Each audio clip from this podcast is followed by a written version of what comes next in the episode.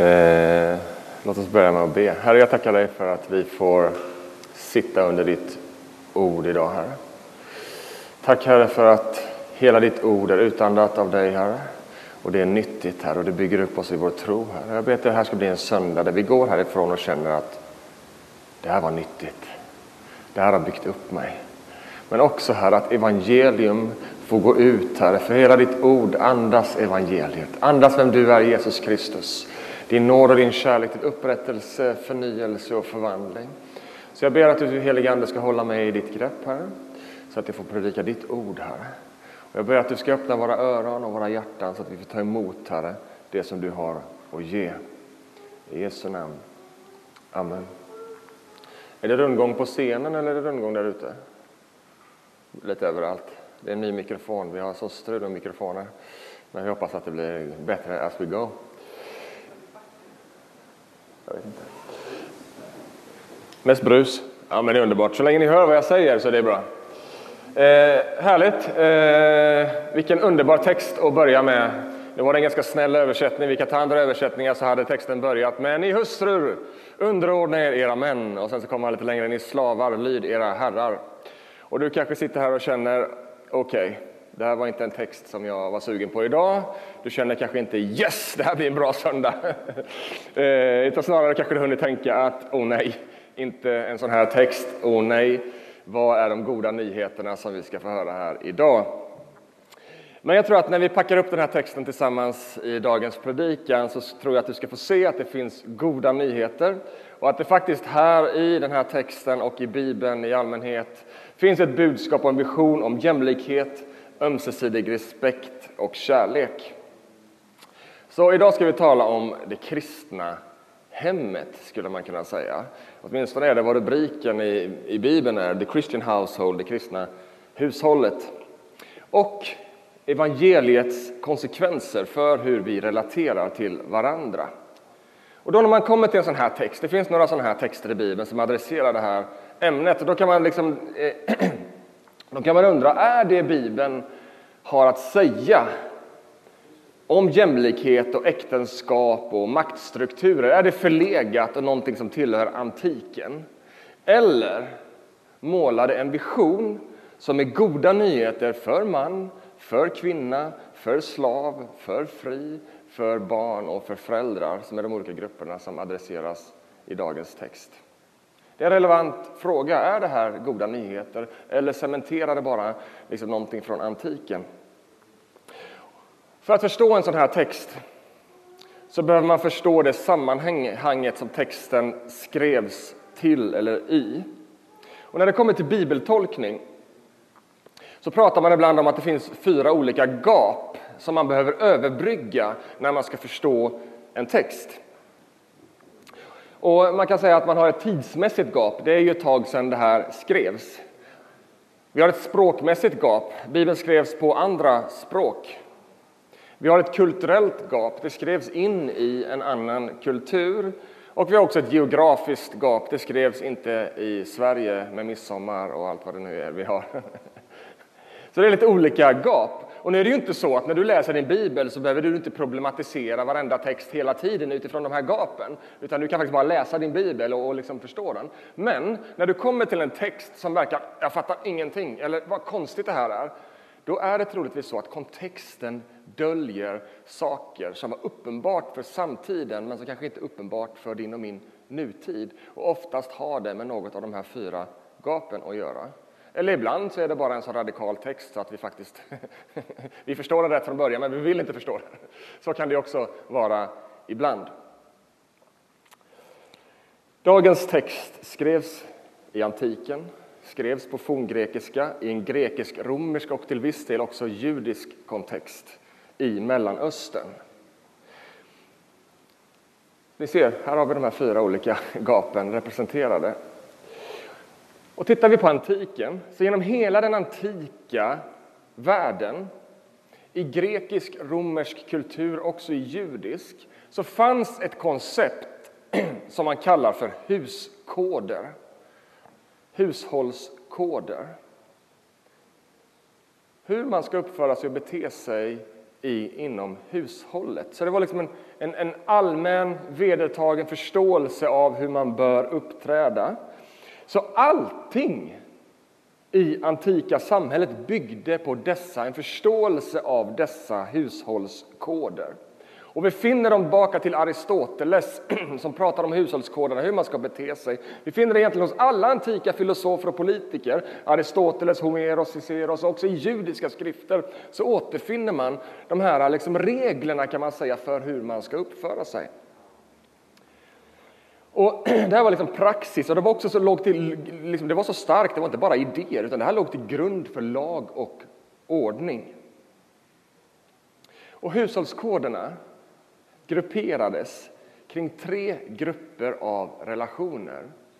Hustru och man, slav och fri, eller tjänare som också ordet kan översättas som den översättningen som Andrea läste, tjänare och herre, och barn och förälder. Så det är liksom ingen slump när du Paulus skriver om hushållet att han faktiskt adresserar de här sakerna som fanns i de rådande hushållskoderna. Det var till och med högst logiskt. Han talade in i den kontext som de kunde förstå och relatera till. Och ett hushåll, idag när vi tittar på ett hushåll, vi har ju det landet i världen som har mest ensamhushåll. Det var inte vanligt under antiken. Det var inte heller vanligt om vi tittar på den andra typen av hushåll som vi har i Sverige, där man liksom lever i någon form av familjekonstellation med liksom ett par barn och föräldrar eller ensamförälder och något barn. Utan ett hushåll under antiken var, åtminstone i medelklassen och uppåt, en, ett större sammanhang. Så det var man, kvinna, det var barn, det var tjänare, slavar, det var barnens barn och deras tjänare och slavar. Det kunde vara ett, var det en större liksom, farm, gård eller sådär, så hade flera, så kunde det vara flera som bodde där. Så det, det var liksom ett helt Enterprise. det kunde vara det i alla fall. Det var större än vad vi menar idag. Och det innefattade just alla de här liksom relationerna, man och kvinna, barn och, eh, och, och förälder och slav och herre. De här hushållskoderna har någonting gemensamt. Och det är att de definierar en person med makt. Alla hushållskoder under antiken definierar en person med makt. Och det var, hör och häpna, mannen. Mannen bestämde över sin hustru. Ja, faktum är att man till och med talar om att mannen ägde sin hustru, sina barn och sina tjänare. Självklart så fanns det mängder, kan vi ju gissa och anta, med jämlika hushåll där det i praktiken inte rådde liksom den här typen av maktstrukturer och där männen liksom agerade maktfullkomligt, utan troligtvis så fanns det ju liksom eh, väldigt jämlika och jämbördiga relationer också på den här tiden. Men vi måste förstå att det kulturella idealet utgick från dessa hushållskoder det kulturella idealet. Idag talar vi om någon form av, av, av idékorridor. Va? Man får inte tänka och säga utanför idékorridoren. Det fanns en idékorridor på den här tiden också.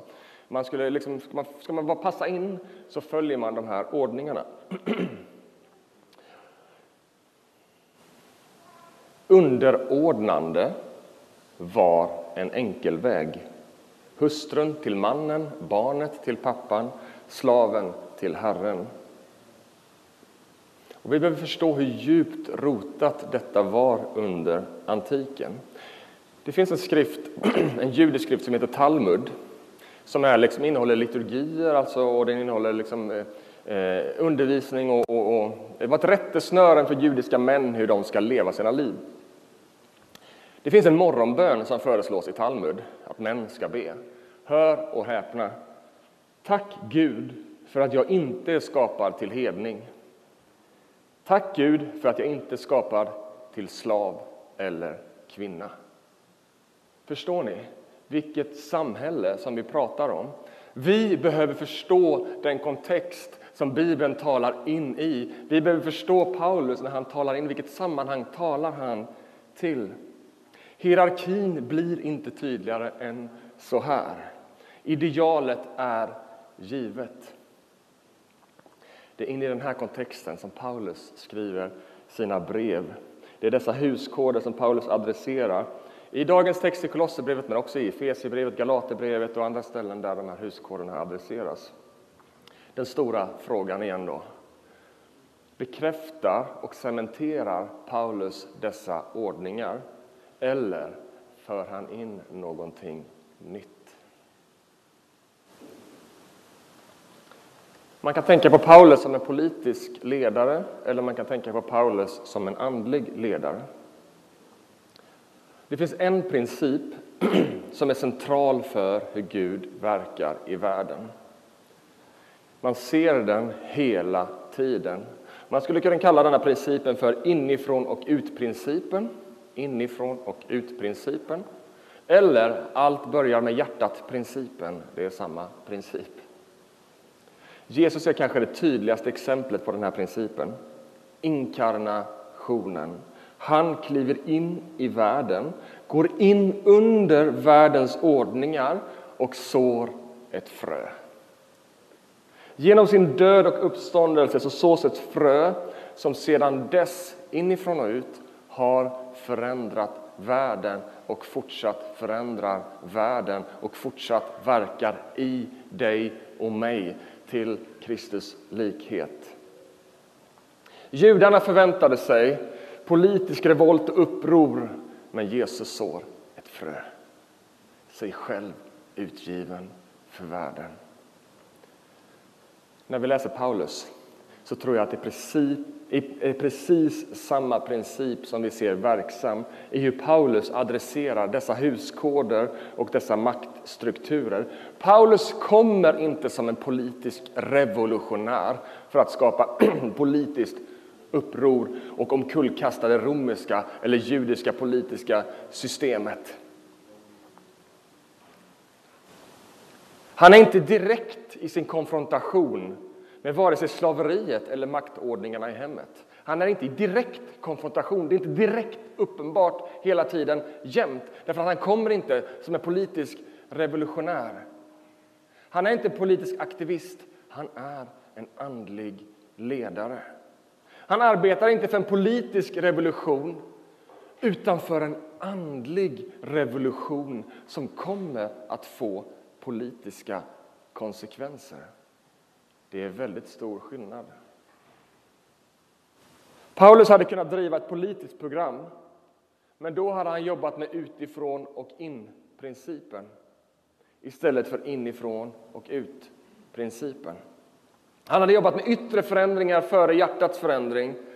Och han hade fått hela det romerska och det judiska etablissemanget emot sig vilket hade hindrat honom att faktiskt förkunna evangeliet, det som han var sänd för. Jag tror han var street smart.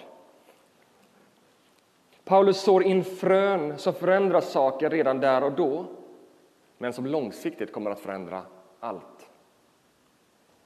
När vi läser Paulus texter vid en första anblick men hallå, vad gör du? Det känns som att du cementerar liksom det som de rådande ordningarna. Det känns som att du är bakåtsträvande. Att han snarare än att vara progressiv är liksom, eh, och, liksom, och låt, låter evangeliet bryta in på riktigt så, känns det som att han liksom håller fast vid förlegade strukturer. Men det är inte vad han gör. Paulus är radikal. Överallt han kommer så är han radikal och så också när han talar om det kristna hemmet. Men han gör det på ett sätt där evangeliets kraft får tala in och förändra allt inifrån och ut. När man sår ett frö så tar det lite tid, men det blir frukt. Han sår in evangeliets frö i rådande strukturer. Det kan verka lite långsammare, men det leder till verklig förändring utifrån hjärtats förändring.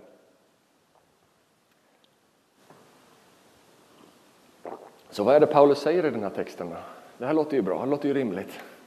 Men vad är det han säger i texten? Jag börjar med ni, ni gifta kvinnor, underordna er era män. Kolosserbrevet 3, vers 18. Det finns så många saker att säga här. Jag satt en hel bil, bilresa från Köpenhamn och pratade om det här i nu i veckan. Det finns jättemycket att säga om det här. Det här påståendet i sig är inte radikalt åt något håll. Det kallar inte till revolution. Kasta omkull hela systemet. Nej, det gör det inte. Det påståendet i sig gör inte det. Men det är inte heller tvärtom en förstärkning av de rådande huskoderna. Tvärtom så skulle det här uppfattats vagt. Vadå underordna? Alltså, liksom, snarare var det så i huskoderna man talade om att mannen rådde över sin kvinna och kvinnan ska lyda. Så Paulus han liksom väljer sina ord. Underordna er. Men än så länge gick det säkerligen hem väl hos de flesta. Skapa inte för mycket oreda. Men så fortsätter han. Och ni gifta män, älska era hustrur och var inte hårda mot dem. Det var, det var liksom självförstått givetvis att det var bra att älska sin hustru, men inga huskoder talar på det sättet. Här började det liksom bryta och bända lite grann. Det var inte så här man uttryckte sig. Var inte hårda. Ge er hustru frihet. Älska henne. Ge henne utrymme. Men fortfarande så kan man ställa sig frågan varför säger inte kvinnan att, att liksom underordna sig och mannen att älska? Det verkar ändå lite sådär. Ska vi förstå det? Jag tror att Paulus talar in undergivna ordningar men med subtila ordval så sår han in frön till förändring. Vi måste se att Paulus faktiskt uttrycker sig annorlunda. Det kräver någonting. Normalt sett när du liksom, om du vill förstärka någonting, ja, men då använder du de orden som liksom är rådande eller starkare ord. Du väljer inte vagare ord. Paulus vill någonting. Hade han velat cementera ordningar så hade han använt samma språkbruk till kvinnan som han använde till, man, eh, till, till, till barnen. Han säger till kvinnan, underordna er era män.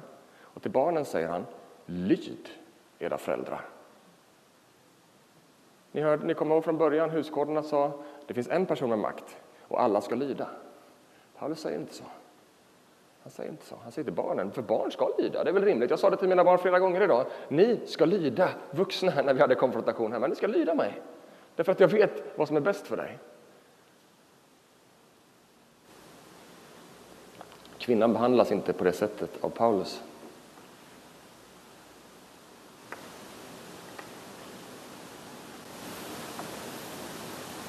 Det är en viss viktig distinktion Därför, lyssna nu, därför att underordna sig är ett kristet ideal. Att underordna sig är en princip, ett ideal för varje kristen. I de rådande huskoderna var underordnande en enkel väg. Det var kvinnan som underordnade sig mannen. Men inte för Paulus, inte i ljuset av evangelium. Det finns ett parallellställe där Paulus mer lägger ut texten än vad han gör i Kolosserbrevet, och det är i boken innan Efesierbrevet. Där skriver han mer utförligt om alla de här sakerna. Och faktum är att det här var en grannförsamling till församlingen i Kolossai. Och med all sannolikhet så fick också Kolossai del av eh, brevet ifrån, till Efesierna. Där visar han vad han menar med detta med underordnande. Lyssna nu till Efesierbrevet. Han talar om exakt samma sak, adresserar exakt samma huskoder. Där säger han i Efesierbrevet kapitel 5, vers 21. Underordna er därför varandra i fruktan för Kristus. Underordna er därför varandra. I ett kristet hushåll. I ljuset av evangelium så bryts förbannelsen ifrån syndafallet. Ni vet, från början skapades man och kvinna jämlika, att, att stå vid varandras sida. Var kommer rådandet in någonstans? Vid syndafallet. Du kvinna, din man ska bestämma över dig.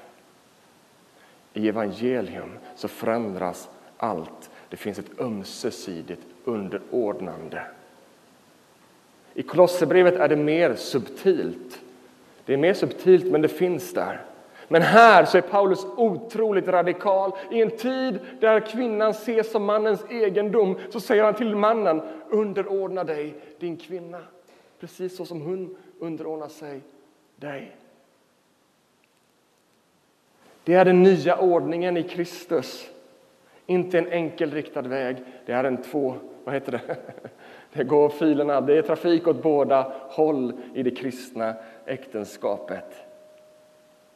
Och lyssna vad han säger, för i Korint så undervisar han också om det här, till, till församlingen i Korint. Och där säger han i första Korinthierbrevet 7, vers 4. En kvinnas kropp tillhör inte henne själv, utan hennes man. Citat huskoder. All fine, tycker inte vi, men det tyckte de. Men det slutar inte där.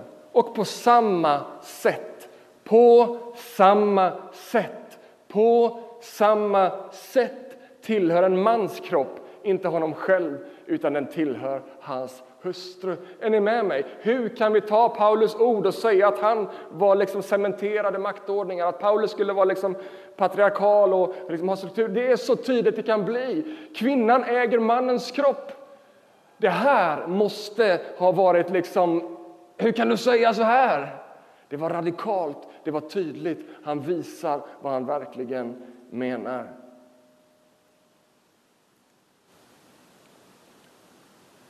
När vi ska förstå vilka implikationer evangelium har för kvinnans upprättelse upprättelse från den maktordningar som syndafallet innebär, då behöver vi få se, då behöver vi se helheten av den vision som evangelium och Nya testamentet målar. Det är inte en snabb revolt. Paulus var inte en politisk aktivist, han var en andlig ledare. Han jobbade med inifrån och ut-principen, en resa som sker över tid. Och i vissa ställen så är Paulus otroligt radikal, som här i Efesierbrevet och i Korinthierbrevet. Andra ställen är det lite mer subtilt.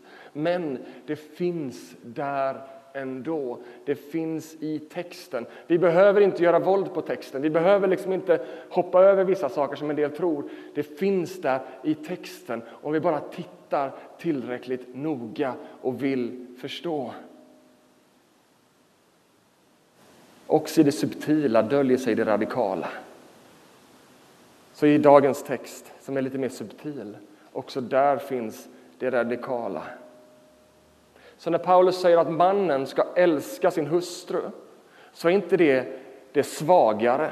Det är inte svagare än att underordna sig. Det är inte alls vad Paulus menar.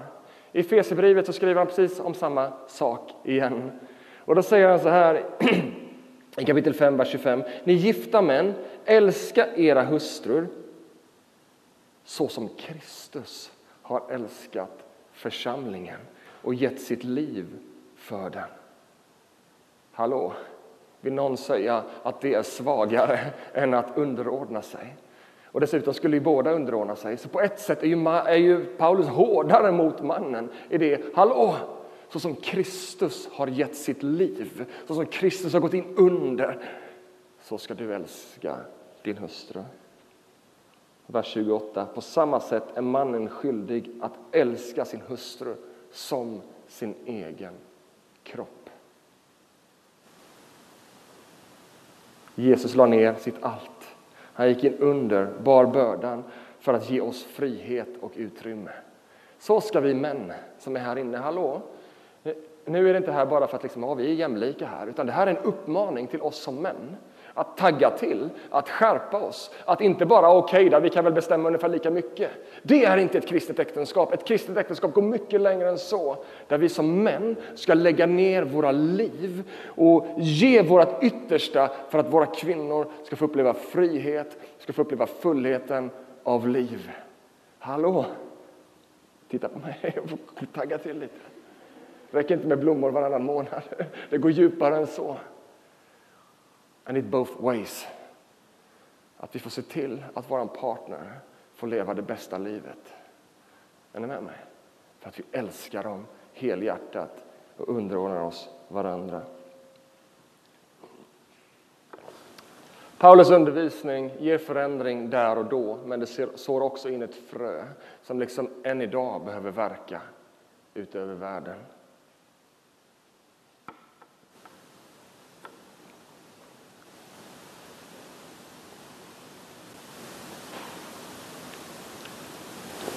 Inte det snabbaste sättet, alltid. Han vill inte bli ovän med samtiden på det sättet. Men han backar inte. Han blir hellre ovän än att backa. Han backar inte. Han är tydlig när han sår sina frön som förändrar då, men som också leder fram framåt. Och det är precis samma sak, och det är det sista jag ska tala om idag. Det är precis samma sak som han hanterar slaveriet. Ni tjänare, Kolosserbrevet 3 och 22, ni tjänare eller då ni slavar. Lyd era jordiska herrar i allting. Så på samma sätt som kristendom ibland beskylls för att vara patriarkal, liksom manscentrerad, så beskylls den också ibland för att inte på riktigt ta upp kampen mot slaveriet. Och man kan ju undra när man läser en vers som den här. Ni slavar, lyd era herrar i allting. Återigen måste allt förstås i sin kontext. Det finns en viktig sak för det första som vi behöver förstå. När vi hör ordet slaveri så tänker vi direkt egendomsslaveri. Det var den typen av slaveri som rådde på 1800-talet där man tog folk ifrån Afrika, tvingade dem in under extremt fruktansvärda förhållanden att jobba på bomullsplantage och allt vad det är för någonting. Det är inte den typen av slaveri som Bibeln primärt talar om. Egendomsslaveri är totalt förkastligt och totalt emot Guds ordningar. Direkt våld mot Guds ordningar. Det Bibeln talar om primärt är kontraktsslaveri. Och det är av en annan karaktär. Faktum är att det skulle faktiskt kunna ha ganska mycket likheter med en anställning där man har en tidsbegränsad, man committar sig till en tid för att arbeta hos någon. Det är därför som ordet tjänare används parallellt. För det är inte den typen av slaveri. Slaveriet hade ofta funktionen av skyddsnät i en tid där andra sociala skyddsnät inte fanns. Hade du en skuld så kunde du faktiskt, jag klarar inte av att betala av den här, då kunde du arbeta av den skulden istället. Sen blev du fri om du ville efter sex år. Eller kortare om man kommer överens om det. Men inte heller det här slaveriet är långsiktigt förenligt med evangeliets budskap. Ingen ska äga någon. Så återigen här då, Paulus han agerar inte som en politisk aktivist och skapar revolt över det här.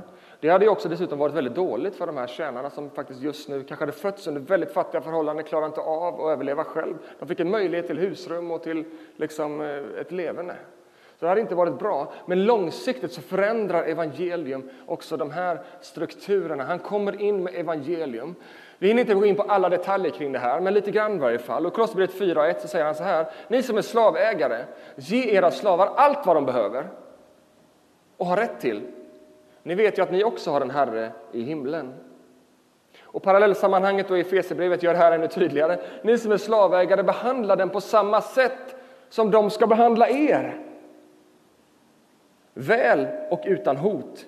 Ni vet att både ni och de har samma Herre i himlen och han gör ingen skillnad på människor. Behandla den på samma sätt som de ska behandla er. Är ni med mig? Hallå, vad är slaveritanken i det? Alltså, det finns en ömsesidighet och en respekt också in i ett system som egentligen är fel. Gud skapade varje människa jämbördig. Hierarkier och maktstrukturer kom med syndafallet. Men i Kristus har vi fått en återställd status som jämbördiga inför Gud och inför varandra. Eftersom att vi är jämbördiga inför Gud så ska det ju vara så, också ibland er. Han gör ingen skillnad, säger Paulus. Gud gör ingen skillnad på människor. Och är du en slavägare, om du lyssnar på vad Paulus säger så inser du, oj då, det här förändrar ju allt. Jag kan inte behandla mina slavar så som jag har gjort förut. Och det här systemet, det håller ju inte i längden.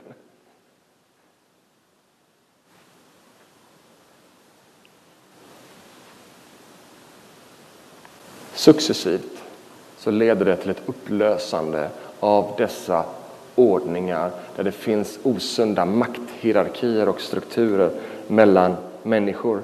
Ingen äger någon, alla tjänar alla. Det är evangeliets konsekvens.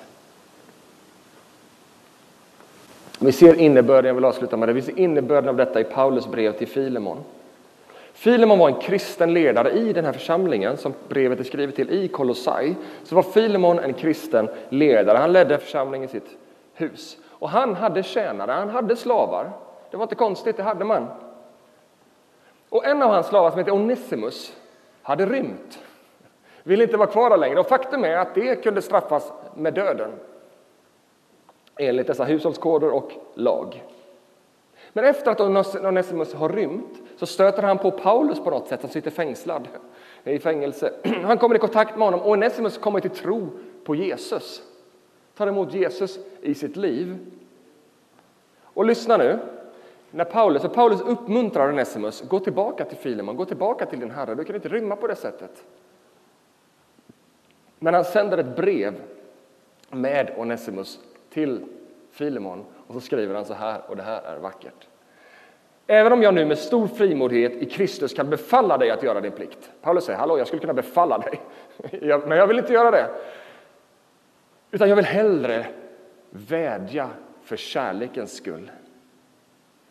Honom skickar jag nu tillbaka till dig och det är som att sända mitt eget hjärta. Kanske var det just därför Onesimus blev skild från dig för en tid, för att du skulle få tillbaka honom för alltid.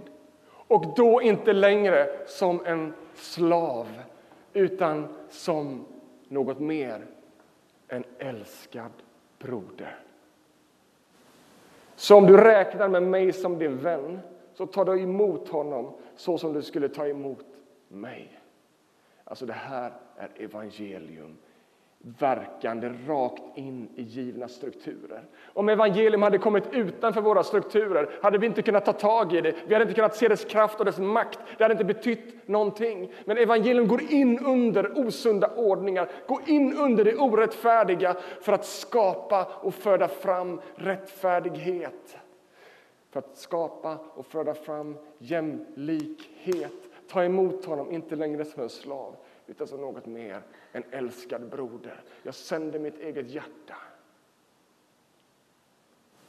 I Kristus raseras alla hierarkier och osunda maktstrukturer mellan människor. De rasar.